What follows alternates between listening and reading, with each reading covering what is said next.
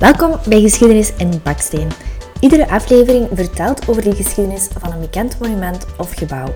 Ik ben Lien van den Broek en ik ben de host van deze podcast.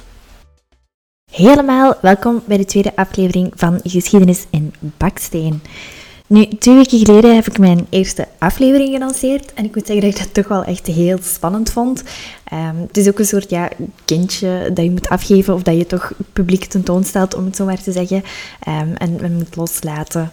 Maar ik ben wel aangenaam verrast. Um, ik heb echt wel heel veel positieve reacties gekregen, ook heel veel feedback. Um, ik heb zelfs tips gekregen, ik heb al suggesties gekregen voor nieuwe afleveringen. Dus dat vond ik allemaal wel echt heel leuk. Um, was echt wel tof om te horen. Ik denk dat ik nu ook al, zeker het laatste half jaar, echt al intensief mee bezig was om deze podcast te kunnen lanceren.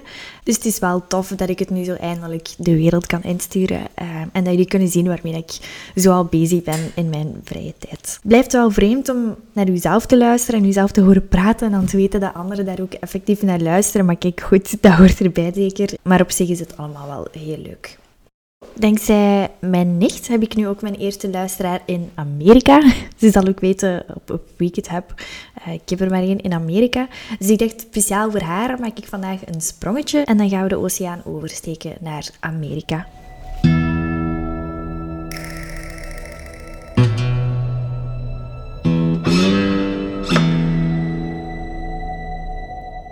Deze aflevering gaat niet echt over een gebouw, maar het is eerder een monument. En jullie zien het eigenlijk ook al in de titel van deze aflevering. Deze gaat dus over Mount Rushmore. Ik denk dat iedereen het wel kent. Het gaat dus over de berg waarin de vier hoofden van Amerikaanse presidenten zijn gebeeldhouwd.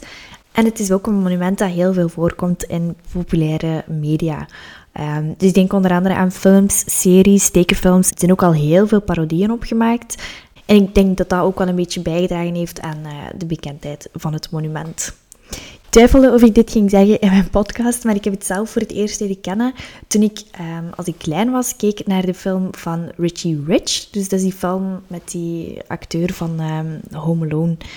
En daarin komt ook zo'n parodie op die presidentshoofden in die film. Maar dat ziet er ja eigenlijk, uh, om het zo te zeggen, heel lelijk uit. Zo'n beetje fake hoofden in een rots. Maar het ziet er echt heel anders uit dan het uh, effectieve monument. Ik denk dat het in de film ook niet echt gaat over de hoofden van de presidenten, maar dan is het eigenlijk gewoon ja, Richie Rich die dan uh, met zijn ouders wordt afgebeeld. Een beetje om te tonen dat ze superrijk waren. Dat was een beetje de insteek van de, van de hele film. Voor de rest niets memorabel aan, denk ik, of toch niet meer uh, dat ik mij herinner. Maar het is eigenlijk toen ik die film zag en ik weet nog dat ik heel jong was, ik denk een jaar of acht of tien jaar of zo, ik weet het nu niet exact. Um, maar ik toen pas besefte van, ah ja, dat is een bestaand monument en dit is een parodie daarop. Um, dus ik heb het eigenlijk zo leren kennen en dan ben ik nu gaan duiken in die geschiedenis. Nu goed, dat brengt ons dus in Amerika. En ik dacht voor deze aflevering van, ah, dit gaat een heel vrolijke, um, leuke aflevering worden. Maar ik moet eigenlijk een beetje toegeven aan mezelf dat ik ook op dit moment niet heel veel wist over de geschiedenis van Mount Rushmore. En die is toch wel niet altijd even vrolijk. Um, dus het is misschien wel goed dat jullie nu, als je de aflevering beluisterd hebben, dat jullie daar toch wel de geschiedenis van kennen. Het monument staat dus in de United States, meer bepaald in de staat South Dakota. Voor wie dat, net zoals ik, niet helemaal van buiten weet, die staat ligt op de kaart van Amerika ongeveer in het midden en iets meer naar boven toe. En het gebergte dat daar ligt, waar dat Mount Rushmore in zit eigenlijk, dat noemen ze de Black Hills. De Black Hills, dus de Zwarte Bergen, werden zo genoemd door hun oorspronkelijke bewoners en dat zijn de Lakota-Indianen. Zij woonden in deze regio en noemden de bergen de Black Hills omdat er heel veel bomen waren. Het was heel dicht begroeid en het zag er van op een afstand heel donker uit, dus eigenlijk bijna zwart. Voor de geschiedenis van dit monument gaan we terug naar 1870. En voor de luisteraars van de vorige aflevering over het kasteel van Neuschwanstein, dat is inderdaad een gelijkaardige periode. Hè? Dus we zaten daar ook um, in de jaren 1860, 1880. Dus ongeveer gelijkaardig wanneer het kasteel van Neuschwanstein werd gebouwd, zitten we nu op dit moment in Amerika. De Lakota-Indianen zijn dus de eerste bewoners van dit grondgebied. Nu, van die Indianenstam had ik nog niet gehoord, maar zij behoren tot de Sioux. En dat is een term die hier misschien wel meer gekend is, de Sioux-Indianen. Ehm, dat doet bij mij wel een belletje rinkelen. En Sioux is eigenlijk meer een groepsnaam voor een aantal Indiaanse stammen. Um, dus het zijn eigenlijk verschillende stammen die we allemaal onder de noemer Sioux brengen. Voor hen was de berg die wij vandaag Mount Rushmore noemen heel belangrijk. Ze gaven er een soort spirituele betekenis aan, uh, ook omdat hun stamleider daar regelmatig een wandeltocht deed door het gebied als een soort van geloofsritueel. Uh, dus zij geloofden echt wel dat dat ja, een spirituele kracht kon geven aan hun stammen. Dus die indianen leefden daar ongeveer in 1870 en alles was daar heel vredig onder de indianenstammen, totdat er een ontdekking werd gedaan in het grondgebied dat alles gaat veranderen. En dan, dan zien we heel vaak in de geschiedenis, dat ging effectief over de ontdekking van hun grondstof, meer bepaald een edelmetaal en dat was hier namelijk goud.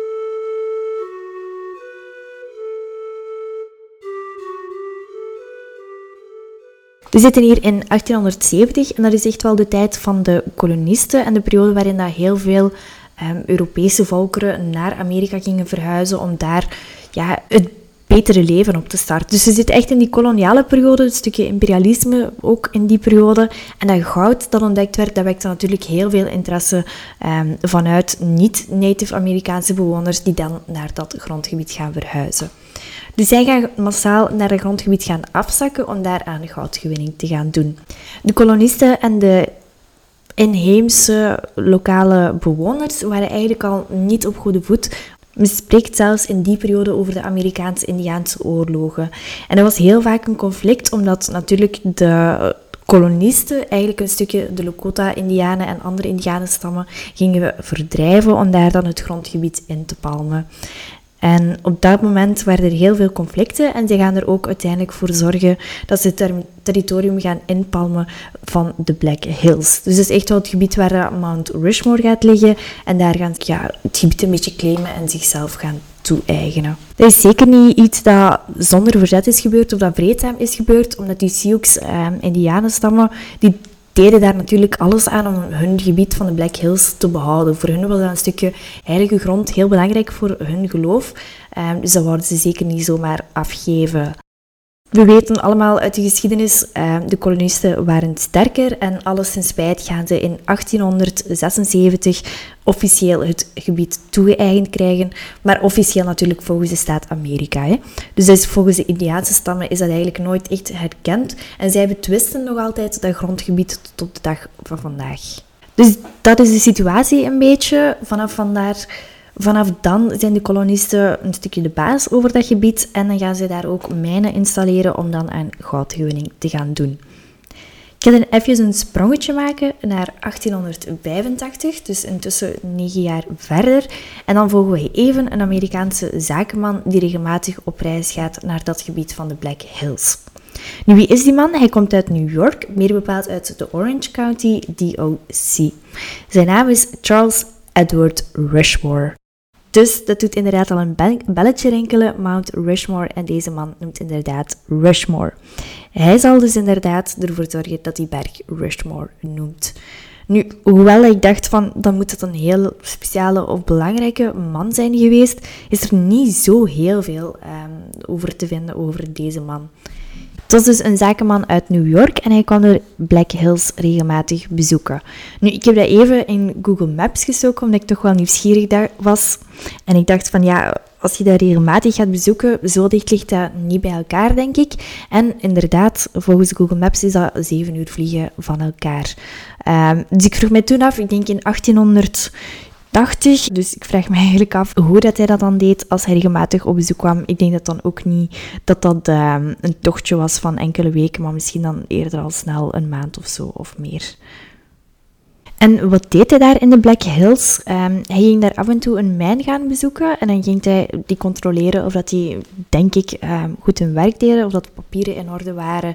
En eigenlijk echt inderdaad gewoon een beetje op controle. Wat deed hij nog? Hij ging voornamelijk gaan jagen. En ik weet niet of dat voor hem ook specifiek het geval was, maar ik heb gevonden dat er in die periode heel veel jacht gebeurde op bizons. Is blijkbaar echt een steek waar heel veel bizons leveren. En in die tijd waren de bizons nog veel groter qua populatie dan de dag van vandaag. In een krantenartikel heb ik gevonden dat ze spreken van ongeveer 50 miljoen bizons die toen op Amerikaans grondgebied vertoefden. Um, dus dat is toch wel heel veel. En dat wil ik gewoon even vermelden, omdat wij voornamelijk weten van, ah ja, die bizons, dat is een beetje een bedreigde diersoort, maar dat was toen zeker niet het geval. Nu, het is misschien wel inderdaad omdat ze net zoveel op die bizons gingen jagen, dat het een beschermde diersoort is geworden. Nu, hoe komt het nu dat uiteindelijk dat berggebied naar hem genoemd zal worden? Ik heb een paar vage verhalen, theorieën en suggesties gevonden. En de belangrijkste daarvan is dat hij een van de geldschieters zou zijn, of ja, naast de staat misschien wel de grootste geldschieter zal zijn, om het sculptuur van de presidenten uiteindelijk te gaan waarmaken. Um, dus hij gaat inderdaad geld geven om het ja, monument te realiseren. En daardoor, ik denk dat dat tot de dag van vandaag nog altijd zo gebeurt, als je daarvoor financiering doet, um, kun je je naam geven aan dat project. Dus op zich, ik dacht dat er misschien meer achter zat, maar dat blijkt dan een van de belangrijkste redenen te zijn uh, waarom het Mount Rushmore genoemd werd. Goed, dat was dus eind de jaren 1800. En dan maken we een sprongetje naar de 20e eeuw, en meer bepaald het begin van de 20e eeuw, 1923. Dat zijn de Roaring Twenties.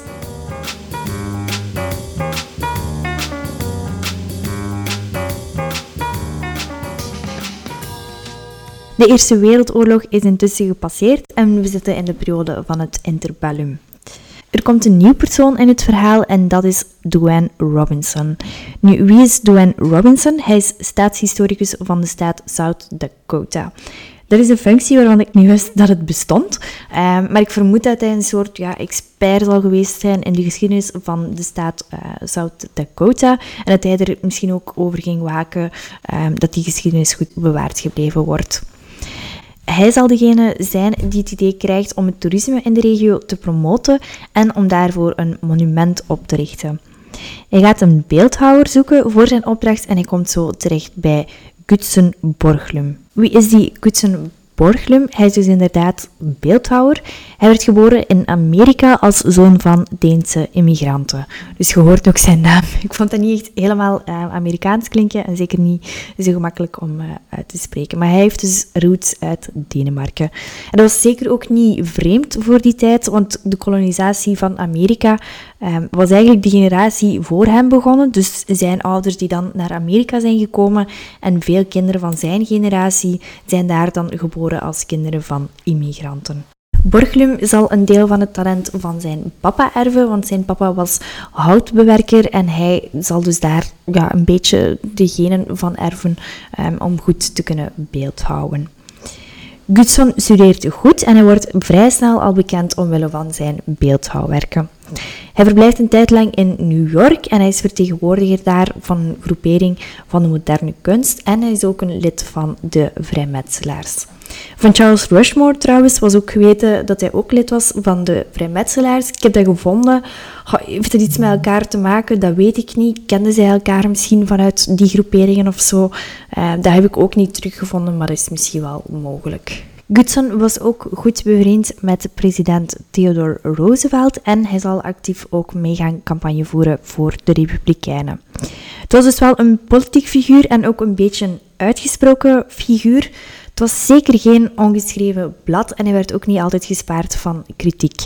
Um, ik heb in verschillende bronnen teruggevonden dat hij ja, een beetje arrogant overkwam, dat hij deels um, wel een, een speciaal opmerkelijk publiek figuur was. En er werd ook gezegd dat hij nauwe banden had met de Koekoeksklan en dat hij regelmatig naar bijeenkomsten zou zijn geweest. Um, dat is nog niet gezegd dat hij zelf lid was van de Koekoeksklan, maar natuurlijk, hij had er wel nauwe banden mee.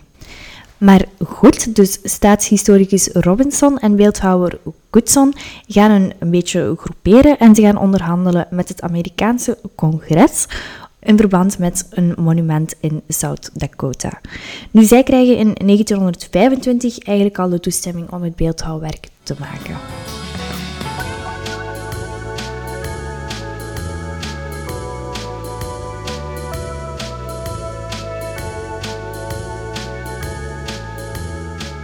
De toestemming is er, dus nu moeten ze eigenlijk nog afkomen met een concreet plan. Het idee van staatshistoricus Robinson was om belangrijke figuren uit South Dakota te gaan portrayeren en hij dacht daarbij echt wel aan meer um, western figuren, dus meer ja, oftewel Indiaanse figuren of figuren uit de inheemse bevolking, zoals bijvoorbeeld Indianenleider Buffalo Bill. De Amerikaanse Senaat echter reageerde daarop dat het misschien toch beter zou zijn om meer nationale, dus Amerikaanse figuren te kiezen, omdat die symbool staan voor de Amerikaanse staat. En daarbij hebben ze dan ook wel nog eens ja, subtiel duidelijk gemaakt dat ze kiezen voor Amerikaanse figuren, dat ze meer subsidies zouden loskrijgen van de staat Amerika. Het is dan uiteindelijk de beeldhouwer Gutson Borglum die de knop zal doorhakken en hij kiest ervoor om vier presidenten af te beelden. Goed, het zou een goede quizvraag kunnen zijn. Wie waren die vier presidenten nu alweer? Ik heb het even voor mezelf, vlak voordat ik aan deze podcast begon, uh, proberen voor de geest te halen wie het terug weer waren. Dus misschien moet je nu heel even snel nadenken welke vier dat het nu weer waren en dan kijken of dat je het juist had. Dus ik ga ze even noemen in volgorde van links naar rechts op de sculptuur. De eerste die afgebeeld heeft is George Washington. Dan hebben we Thomas Jefferson, daarna Theodore Roosevelt en als laatste Abraham Lincoln. Zij worden dus allemaal verkozen voor hun verdiensten aan de Amerikaanse staat. Bij George Washington is dat uiteraard de geboorte of de start van de staat Amerika. Thomas Jefferson die wordt dan weer gelauwerd omdat hij ervoor gezorgd heeft dat Amerika gegroeid is qua territorium, dus letterlijk uitgebreid qua territorium. Um, onder zijn bewind zijn er 15 staten die er geheel of gedeeltelijk qua grondgebied bij kwamen. Dan heb je nog Theodore Roosevelt. Hij was op dat moment nog niet zo lang overleden, hij is gestorven in 1919, dus nog maar zes jaar daarvoor. Hij had veel aanzien omdat hij ervoor gezorgd heeft dat Amerika een speler werd op vlak van wereldpolitiek. En dan de laatste president die afgebeeld is, is Abraham Lincoln. En is zeker niet de laatste qua volgorde van belangrijkheid, omdat hij heel vaak in van die lijstjes wordt genoemd als de beste president die Amerika ooit heeft gehad. Um, en dat is onder meer door zijn houding tijdens de Amerikaanse burgeroorlog. In het kort werden ze dus verkozen omdat ze Amerika hebben doen ontstaan, doen groeien, laten ontwikkelen en bij elkaar gehouden. Nu, de keuze voor Theodore Roosevelt was degene die het minst vanzelfsprekend was. Het was uiteindelijk de toenmalige huidige president van Amerika, Calvin Coolidge, die hem zal aanduiden als vierde president voor op het monument. Belangrijk daarbij is dat je ook moet weten dat Calvin een republikein was en dat hij graag nog een ander republikeins gezicht wou op het monument. Want als je kijkt naar de achtergrond qua um, partijen van de presidenten, dan zie je ook Theodore Roosevelt was een republikein, Lincoln was ook een republikein, George Washington, ja, die was eigenlijk de stichter en die was toen nog uh, op dat moment onafhankelijk van partijen, dus dat was er toen nog niet. En gelijkaardig verhaal voor Thomas Jefferson. Hij was een van de eerste presidenten en hij zat toen nog in een partij die zowel democratisch als republikeins was. Um, dus nog niet zoals we dat de dag van vandaag kennen. Daaruit kunnen we dus ook concluderen dat de democraten ja, toch ondervertegenwoordigd zijn in het monument van uh, Mount Rushmore. Nu ik dat weet, vraag ik me dan ook uh, soms af van, ah ja, zijn de democratische presidenten misschien dan iets minder blij met dat beeld? Of denken ze toch vooral aan de geschiedenis van Amerika? Uh, dat weet ik niet zo goed. De beelden hebben een gezicht gekregen, er is een plan en de werken kunnen twee jaar later van start gaan in 1927. Dus dat wil ook zeggen dat we bijna kunnen vieren dat de start van de bouwwerken 100 jaar geleden zullen zijn. Beeldhouwer Gutson Borglum krijgt de leiding en hij krijgt daarvoor hulp van 400 arbeiders.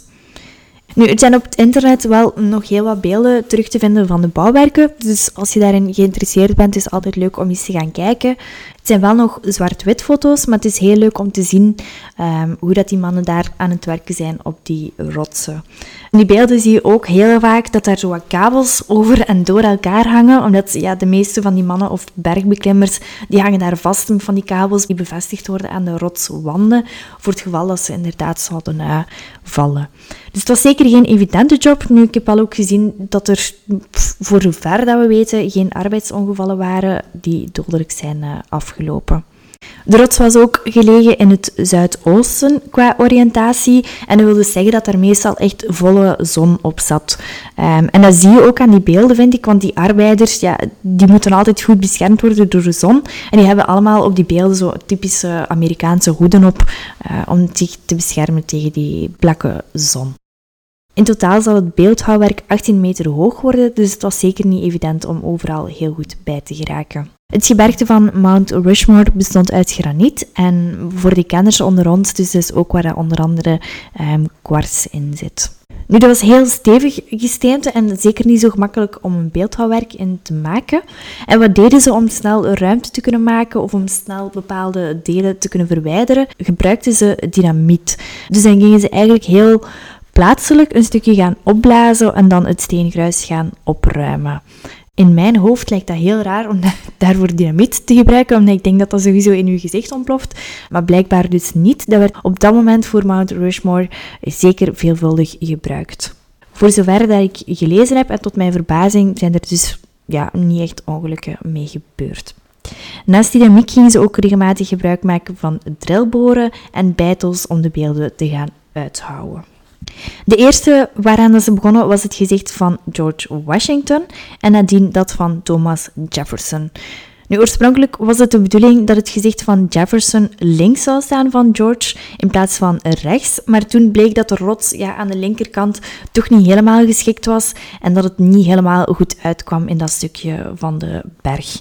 Dat is wel jammer, want ze waren eigenlijk al half weg met het gezicht van Jefferson. Um, toen ze beseften van ja, dit gaat toch niet lukken, dan hebben ze het hele gezicht opgeblazen en dan zijn ze terug opnieuw begonnen, maar dan deze keer aan de andere kant rechts van George Washington. Ik heb daar ook nog een beeld van teruggevonden online en daarin zie je heel duidelijk ja, het gezicht dat dan links staat van George Washington, dat niet zo mooi is. Dus een beetje ja, de mislukte Jefferson, um, die ze daarna hebben opgeblazen en opnieuw begonnen. Ik zal het misschien ook delen op de Instagram nadat deze aflevering online komt. Voor degenen die de vorige aflevering gemist hebben trouwens, het Instagram-kanaal kan je terugvinden op geschiedenis in baksteen met underscores, dus geschiedenis underscore in underscore baksteen. En dan, de werken gaan voort. We waren in de jaren 1927 en dan begint men toch al te zien dat het werken langer gaan duren dan dat ze voorzien waren. Dus dat is misschien een beetje typisch aan iedereen die ooit gebouwd heeft of die ooit gaat bouwen. Dus zo wat denk ik de opmerking die iedereen geeft van neem wat extra tijd, want het gaat langer duren dan dat je denkt. Um, en dat kom ik ook heel vaak tegen in de geschiedenis, dus je ziet zoals hier zal dat ook het geval zijn. Nu, een deel van die vertraging heeft daar ook met de tijdsperiode te maken, omdat, uh, wie goed luistert, we zitten inderdaad in de jaren 27 en twee jaar later, in 1929, kent Amerika de grote beurscrash. Um, dus die periode wordt gevolgd door een algemene economische depressie, die we ook wel kennen als de Grote Depressie. Het gaat slecht met de economie, niet enkel in Amerika, maar ook natuurlijk ver daarbuiten. Um, dat zorgt er wel deels voor dat het niet zo eenvoudig is om tijdig aan geld en aan grondstoffen te geraken, omdat de regering van Amerika, die heeft natuurlijk ja, op dat moment um, wel heel wat andere dingen te doen. Goed, dan maken we opnieuw een sprongetje in de tijd en dan gaan we terug zes jaar verder. Daar komt één figuur even op de voorgrond en dat is ingenieur Julian Spot. Hij zal een paar hulpmiddelen gaan toepassen die ervoor zorgen dat de bouw sneller vooruit kan gaan. Dit gaat onder andere over een verbeterde infrastructuur voor de aanlevering van bouwmateriaal. Er zal elektriciteit komen op de plaats en hij zal zorgen voor de bevoorrading van water. Het is ook dezelfde Julian die ervoor zorgt dat er een tram zal komen die tot aan de top van de berg gaat rijden, zodanig dat de arbeiders daar makkelijk konden afstappen en vanaf daar konden verder werken. Uiteindelijk zal er dan in 1934 toch een eerste gezicht voltooid worden en dat is het gezicht van Washington. Beetje vreemd, vond ik. Dat wist ik eigenlijk niet. Gaat dat gezicht toch al apart worden ingewijd met een aparte ceremonie. Dus die gaan niet wachten tot als het volledige monument van Mount Rushmore klaar is met de vier gezichten. Maar George Washington die krijgt al een inwijding voor zijn gezicht. Nu, die inhouding die was ook niet zo spectaculair. Dat was eigenlijk meer lokaal um, een soort van inwijding van het monument. Een paar vrouwen uit de buurt die hebben daarvoor het initiatief genomen om een grote Amerikaanse vlag te maken van 11 meter op 21 meter. En die werd dan over het gezicht van George Washington gehangen om het dan eigenlijk officieel te gaan onthullen. Nu, iedereen ja, die in de buurt woonde, die heeft het gezicht natuurlijk uiteraard wel al gezien, want ze waren zoveel jaren bezig met die bouw en je kon daar natuurlijk gewoon passeren eh, wanneer je dat wou. Maar er was wel een delegatie van Amerikaanse politiekers afgezakt om het monument officieel te gaan inhuldigen. Het ritueel van de Amerikaanse vlag was eigenlijk niet iets dat ze voorbedacht hadden of zo, maar dan vonden ze uiteindelijk toch wel heel leuk en hebben ze dat ook gedaan voor de andere presidentshoofden. Nadien gaat het toch iets vlotter vooruit en twee jaar later, in 1936, volgt de inwijding van Jefferson. Voor zijn inwijding zagen ze toch al iets groter, mocht al iets meer um, belangrijk volk aanwezig zijn, want toenmalig president Franklin Roosevelt was daar. Nu, hij was normaal niet van plan om daar echt ja, een speech te gaan geven of het volk toe te spreken, maar op dat moment zelf was hij blijkbaar zo onder de indruk van het monument dat hij toch eens het woord heeft genomen voor het lokaal publiek. Voor de fans, het filmpje daarvan kan je trouwens ook nog gewoon online bekijken. Um, dus ik heb het eens gegoogeld. Het is eigenlijk wel heel leuk om te zien. Het is ook niet lang, de beelden die er nog van zijn. Maar je ziet Roosevelt dan zo toekomen in een typisch Amerikaanse auto met een Amerikaanse hoed op. En dan zie je nog een heel klein stukje van de speech die hij toen gegeven heeft. Het ziet er allemaal heel Amerikaans uit. Op zich zegt hij tijdens die speech ook niet zoveel. Dus het kleine stukje dat ik nog gevonden heb, uh, daarin zegt hij dat hij hoopt voor de nakomelingen dat ze naar het beeld zullen kijken en dan zien dat de presidenten gestreefd hebben naar a decent land to live in and a decent government to operate under. En dan, ze zijn op dreef. Een jaar later, 1937, wordt het gezicht van Lincoln officieel afgewerkt en ingehuldigd. Dus wie goed heeft opgelet, dus, dus inderdaad, het derde gezicht is dat van Lincoln.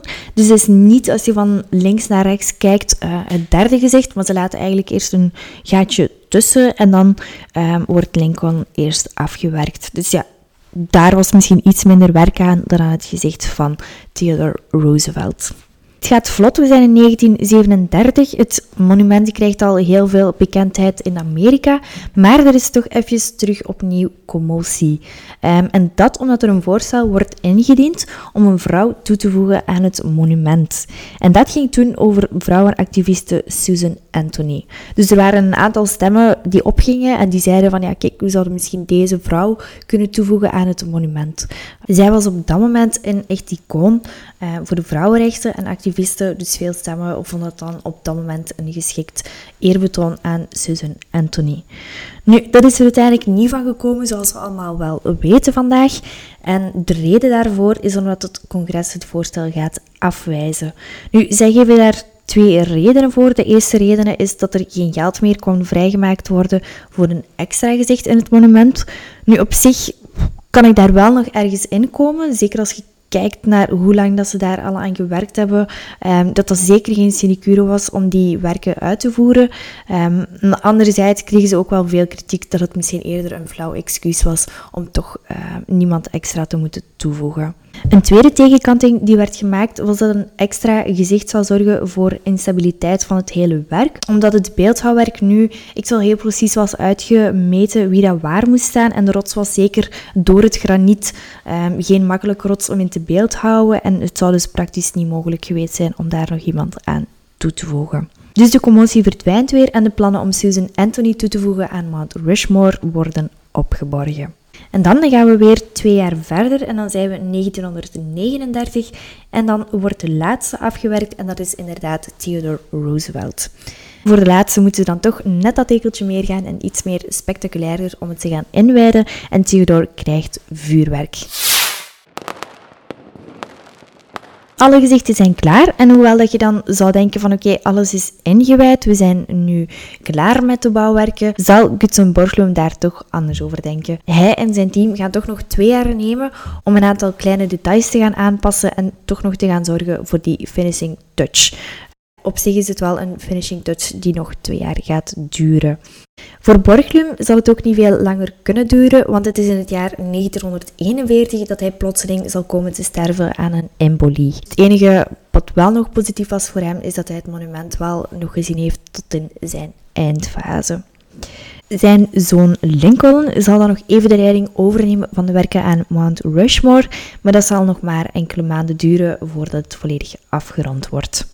Uiteindelijk worden de werken afgerond in 1941. Dus ze zijn er uiteindelijk toch wel 14 jaar aan bezig geweest. Nu, eigenlijk waren de bouwwerken nog niet volledig klaar volgens de plannen van Borglum, maar ze werden wel door de Amerikaanse regering stopgezet. En dat voornamelijk uit tijdsnood en geldsnood. Want we zitten ondertussen in 1941 en inderdaad, dat is de periode dat natuurlijk de Tweede Wereldoorlog gaat starten. En wat was nu uiteindelijk het grote verschil met de plannen van Borglum en met de uiteindelijke realisatie van het monument? Er waren twee grote punten. En het eerste grote punt is dat er oorspronkelijk werd bedoeld om de beelden uit te houden met een volledige romp. Um, dus eigenlijk tot aan de middel van de presidenten en niet gewoon enkel het gezicht zoals we dat op de dag van vandaag kennen.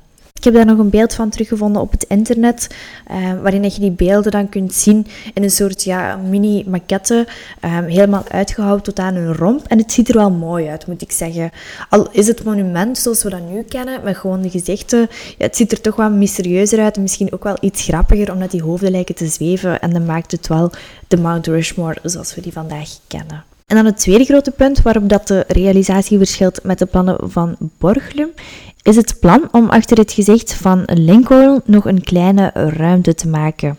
En zijn idee was zeker niet om daar zomaar een ruimte in te maken, hij had ook al een bestemming gegeven aan die ruimte. Gutsen had namelijk het idee om de Amerikaanse onafhankelijkheidsverklaring daarin op te bergen. Zijn idee ging zelfs een beetje verder en het was de bedoeling om daar een aantal grote historische documenten voor Amerika in op te bergen. Hij had ook al een naam gegeven aan die ruimte en die naam was de Hall of Records. Nu, om dit te realiseren zouden er 800 treden gebouwd moeten worden naar de ingang van de zaal. En Borglum was daar al effectief mee begonnen, maar door een aantal obstakels heeft hij daar veel te veel vertraging mee opgelopen en hebben ze dat uiteindelijk gelaten voor wat het was. In het hoofd van Borglum was de Hall of Records ook echt een ja, zaal waar dat bezoekers naartoe konden komen, waar toeristen konden naartoe gaan, om dan die documenten uit de historische geschiedenis van Amerika te gaan bekijken. Dus dat is nooit gerealiseerd, maar er is wel een soort ja, alternatief opgevonden. En uiteindelijk zal er gewoon een kleine kluis in de rots worden geplaatst met daarin 16 belangrijke documenten van Amerika. Dus als je ooit al hebt afgevraagd waar de originele Bill of Rights of de onafhankelijkheidsverklaring is van Amerika, die ligt in een kluis achter het hoofd van Lincoln. Wat zit er nog in die kluis? Ik ga niet alle documenten opnoemen, maar wel heel leuk om te weten nog is dat daar de vier biografieën van de presidenten ook liggen. Het initiële doel van het beeldhouwwerk was om het toerisme in South Dakota aan te wakkeren. En dat is ook effectief gelukt, want Mount Rushmore is de belangrijkste toeristische attractie van de staat. En toerisme is voor de staat zelfs de op één na grootste industrie in South Dakota. Dus Dwayne Robinson is op zich wel geslaagd in zijn opzet. Voor degenen die zich afvragen trouwens, hij heeft de afwerking van het monument nog meegemaakt, want hij stierf pas in 1946. En dan, terug tien jaar later, in 1957, gaat men ook steeds meer ja, het belang zien van het monument. En dan gaat men daar starten met de bouw van een bezoekerscentrum. Dat gaat een ongoing project zijn, want we gaan zien uh, naar de toekomst toe dat er steeds meer faciliteiten komen en steeds betere faciliteiten ook voor uh, bezoekers. Ik heb het ook eens opgezocht op Google Maps, dus dat kan je zeker ook eens doen als je geïnteresseerd bent. En daar zie je wel echt het hele grote bezoekerscentrum dat er rond is gebouwd. Um, dus je komt binnen langs een grote poort waardoor je doorwandelt. En dan heb je een soort lange baan, eigenlijk een aangelegd voetpad waarop je dan kan wandelen. Uh, met allemaal zuilen naast jou en voor jou. En dan op het einde zie je de hoofden van die presidenten. Want ik had meer zo'n beeld in mijn hoofd dat je bijvoorbeeld op een roadtrip kon gaan door Amerika en dat je daar dan eens gewoon kon uh, langsrijden met de auto en dan zo toevallig zeggen van oké, dit is Mount Rushmore. Uh, maar dat is dus eigenlijk niet zo. Je moet echt wel naar het bezoekerscentrum gaan als je die berg wil gaan bezoeken. De inkom is gratis trouwens, maar je moet wel betalen voor de, de parking. De Amerikanen staan er ook wel op om hun monument goed te onderhouden. Zo is er jaarlijks een check-up met een aantal bergbeklimmers en zij gaan dan kijken of dat er gaten zijn in het monument, zodat die kunnen gedicht worden indien nodig. Om het monument proper te houden, werden de beelden ingevreven met een soort product om vocht tegen te houden. Dus ook een beetje om te belemmeren dat er geen mosgroei uh, zou doorkomen. Nu, leuk weet je daarin is dat er een Duitse zakenman daar goede reclame in zag voor zijn bedrijf. Hij verkocht namelijk hoge drukreinigers en hij had het goede idee om gratis voor te stellen om Mount Rushmore te gaan poetsen. Hij heeft effectief groen licht gekregen en hij is dan met zijn team het stukje berg gaan reinigen met hoge drukspuiters. Dus als je thuis een hoge drukreiniger hebt staan van Karcher, dan is het merk dat de berg van Mount Rushmore heeft schoongemaakt. En dan nog een ander stukje technologie dat werd gebruikt voor de bewaring van Mount Rushmore is elektronische bewakingsapparatuur. En die zijn eigenlijk ingesteld als een soort ja, camera's en sensors die moeten gaan meten wanneer dat er verschuivingen of scheuren zijn, zodanig dat die computers dat tijdig kunnen waarnemen. Um, dus moest er dan iets zijn of moesten er dan barsten in het werk of zo komen, dat ze dat heel snel kunnen weten en kunnen inspringen.